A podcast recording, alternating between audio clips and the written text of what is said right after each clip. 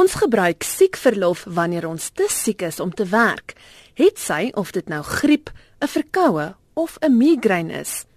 Ons gebruik ook jaarlikse verlof wanneer ons met vakansie wil gaan om te rus. Maar wat van 'n dag vir jou geestesgesondheid? Sou ons geregtig wees om 'n dag af te vat wanneer depressie of angs ons die dag onderkry?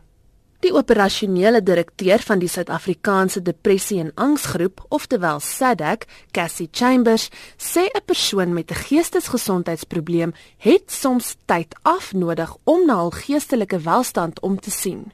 I think when you've got someone who obviously knows their well-being and they can really pick up if they're too stressed or they're not coping, or they might see changes in their concentration or multitasking and they realize that taking a mental health day could actually help them to recharge, refocus, rest. So when they do come back to work, they're a lot more productive. The interesting thing with regards to any kind of mental health issue within the workplace is it starts to impact the way that you make decisions, you multitask, your performance. So you might be at work, but how productive are you actually being if you suffer from a mental health issue? Sy sê daar is steeds 'n stigma oor persone met geestesgesondheidsprobleme in die werkplek. I think when we're looking at the number of employees who suffer from depression in the workplace, you know, we were part of a study a little while ago that saw that one in four employees were actually diagnosed with depression. And they were taking on average 18 days off a year because of their depression.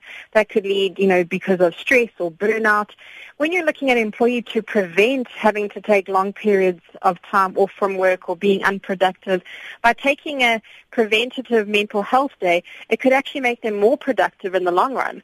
So I think it would be a great initiative that I think it would help a lot more employees to cope better um, and to understand what they're doing and, and how it can actually impact their work.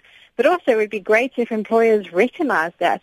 When we look at how mental health is discriminated in the workplace, so much more needs to be done to educate both managers and you know line managers about mental health and how to handle it. So I think her boss's response is very few and far between and it would be great to see more companies responding the way that they did. Volgens Chambers moet werknemers nie so 'n afdag vir geestelike welstand misbruik nie. I think with any kind of benefit or time off there's always the risk of it being abused.